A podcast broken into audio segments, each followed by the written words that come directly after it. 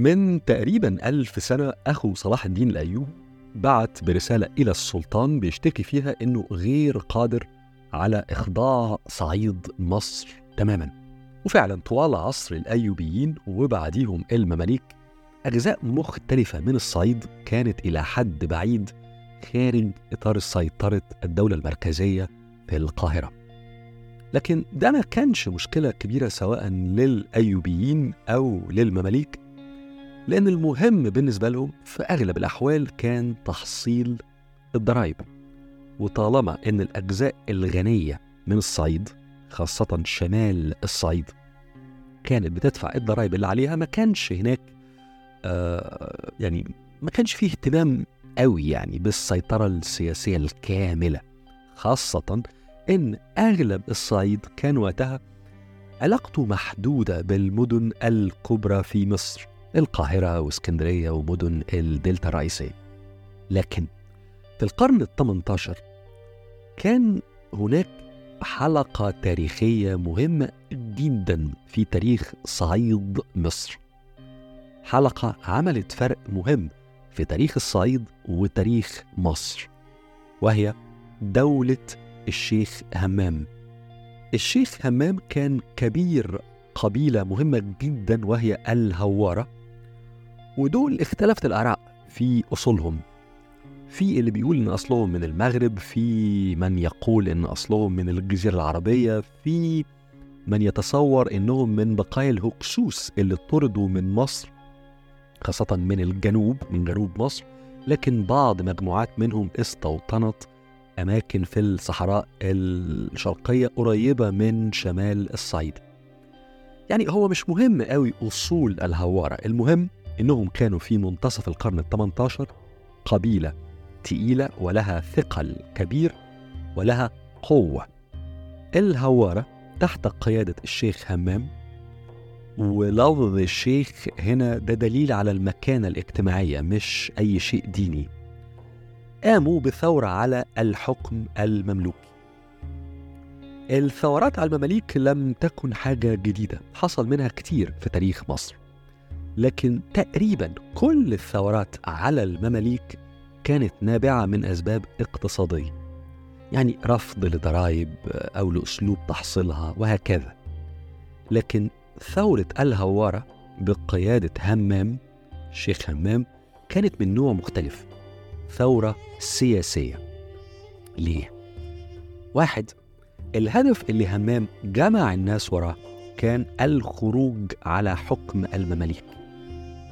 يعني الرجل لم يكن يشتكي مملوك صغير في الإقليم اللي هو فيه إلى مملوك أكبر في القاهرة. لا همام أراد أن المنطقة اللي الهوارة فيها يكون لها حكم ذاتي حكم ليس هناك سيطرة للمماليك عليه. اثنين همام أراد أن منطقة الحكم الذاتي تكون ذات معالم جغرافية. مش قبلية دي نقطة مهمة. الرجل لم يكن فقط يريد حكم قبيلته وخلاص بعيدا عن تدخل المماليك لكنه كان عاوز مناطق معينة تحت حكمه وبعض هذه المناطق لم يكن أو لم تكن أرض تابعة تقليديا للهوارة. ثلاثة همام عمل دعوة سياسية مفتوحة للمصريين الفلاحين يعني أهل الدلتا ووادي النيل المزارعين والمصريين من أهل الصحراء اللي كانوا وقتها معروفين بكلمة العرب. ودي برضو نقطة ملفتة للنظر لأنه الطبيعي وقتها إن زعيم قبلي زي همام يكون اهتمامه بقبيلته ودعوته السياسية موجهة ليها وللقبائل اللي زيها.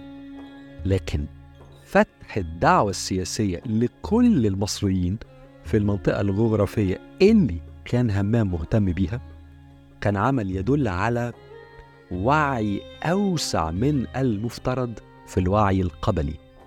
ممكن حد يقول وعي مصري بمفهوم مصر كوطن. ودي النقطة الرابعة. كلمة وطن وقتها كلمة مش معروفة قوي. ومفهوم مش واسع القبول لأن الحكم كان ديني للسلطان العثماني زي ما تحدثنا في الحلقة السابقة من هذه السلسلة. والسلطان بيستمد شرعية حكمه أو على الأقل الشرعية النظرية لحكمه من أنه خليفة المسلمين. ناحية أخرى الحكم كان عمليا للمماليك اللي كانوا تحت العثمانيين. لكن في الحالتين سواء العثمانيين أو المماليك كانوا بلا أي علاقة بمصر كوطن. لذلك احتمالية فكرة أن الحركة السياسية اللي قام بيها همام وقبيلة الهوارة كانت لها بعد وطني بعد بينظر لفكرة الانتماء لمصر لمصر وليس مجرد لدين أو لقبيلة دي كانت فكرة مهمة ولا شك جديدة وقتها. أنا قلت احتمالية أن الحركة السياسية كان ليها بعد وطني لأن مفيش تأكيد مفيش دليل جد على ذلك. دي مجرد قراءات أو تفسيرات للتاريخ ولذلك تبقى مجرد احتمالية. لكنه تفسير له وزن وتناوله عدد من الناس اللي كتبوا وتحدثوا جد في تاريخ مصر الحديث وأولهم هنا الجبرتي مرورا برفاعة الطهطاوي وصولا لأساتذة تقال زي عبد الرحمن الرافعي زي لويس عوض. وكل دول خاصة الرائع الجبرتي هنرجع لهم كثيرا في هذه السلسلة. المهم الشيخ همام هزم. هزموا علي بيك الكبير الرجل الذي بدأنا هذه السلسلة معه في الحلقة السابقة. وفي الحقيقة زي ما الجبرتي بيقول لنا علي بيك الكبير انتصر على همام وعلى قبيلة الهورة مش بنصر عسكري ولكن بالخديعة. والخديعة كانت في الإيقاع بين همام واثنين من أولاد عمومته. القصة هنا التفصيل ما يهمناش قوي يعني. اللي يهمنا إن دولة همام وقعت. ودي كانت نقطة مهمة في سيطرة علي بيك الكبير على مصر مش بس على شمال مصر القاهرة واسكندرية والدلتا لكن كمان على جزء مهم من منتصف مصر قلب الصعيد. هنا في نقطة. كلمة دولة همام والهوارة قد تبدو كلمة كبيرة حبتين وده صحيح.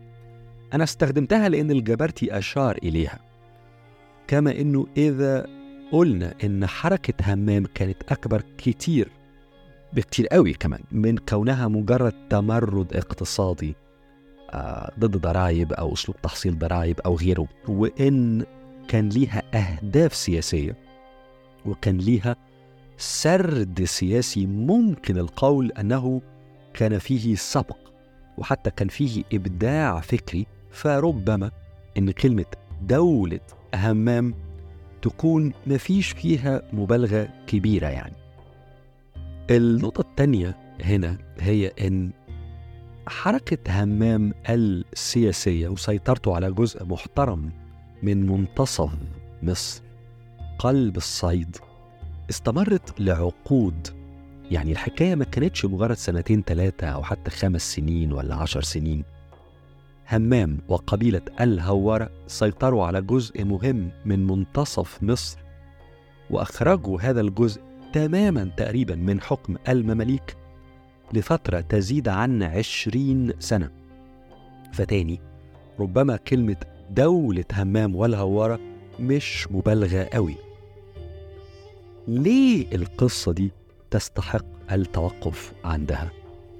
مش بس علشان كان فيها مقومات مشروع سياسي مهم للأسباب اللي قلتها قبل كده لكن أيضا لأنها كانت دالة على أن حكم المماليك كان في لحظة ضعف. صحيح علي بيك الكبير في الآخر هزم همام وضربه وهمام في الآخر مات بحصرته. وصحيح أن علي بيك الكبير كان له محاولة أو محاولة مهمة كمان لتطويل مصر زي تطوير مصر وإدخالها إلى حد ما في العصر الحديث يعني. زي ما قلنا في الجزء الأول من هذه السلسلة لكن صعود مشروع همام ونجاحه لفترة زمنية معقولة وإن المماليك لم يهزموه إلا بالحيلة وبالخديعة كان دليل على الأقل إشارة مهمة إلى أن حكم المماليك كان بدأ يدخل مرحلة النهاية. وده بالفعل اللي حصل بعد ذلك بعقود قليلة جدا.